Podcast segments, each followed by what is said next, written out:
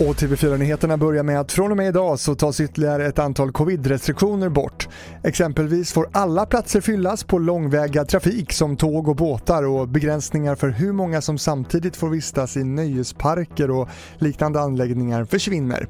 Trots det tänker parkerna fortsätta att begränsa antalet besökare av smittskyddsskäl. Den stora och den positiva förändringen för nöjesparker idag det är ju att vi kommer kunna få lasta fullt i våra berg och dalbanor. Vilket gör att flödena i parken, förhoppningsvis då köerna minskar. Det sa Magnus Videll, ordförande i Svenska Nöjesparksföreningen. Moderaterna vill se skärpta straff för unga kriminella. Även personer på 15 år ska kunna dömas till fängelse, det skriver partiets rättspolitiske talesperson Johan Forsell på DN Debatt. Moderaterna menar att sluten ungdomsvård inte har någon effekt på tungt kriminella och att ungdomsfängelser därför är bättre. Till sist om Brasiliens president Bolsonaro som kan behöva opereras akut då han drabbats av hicka.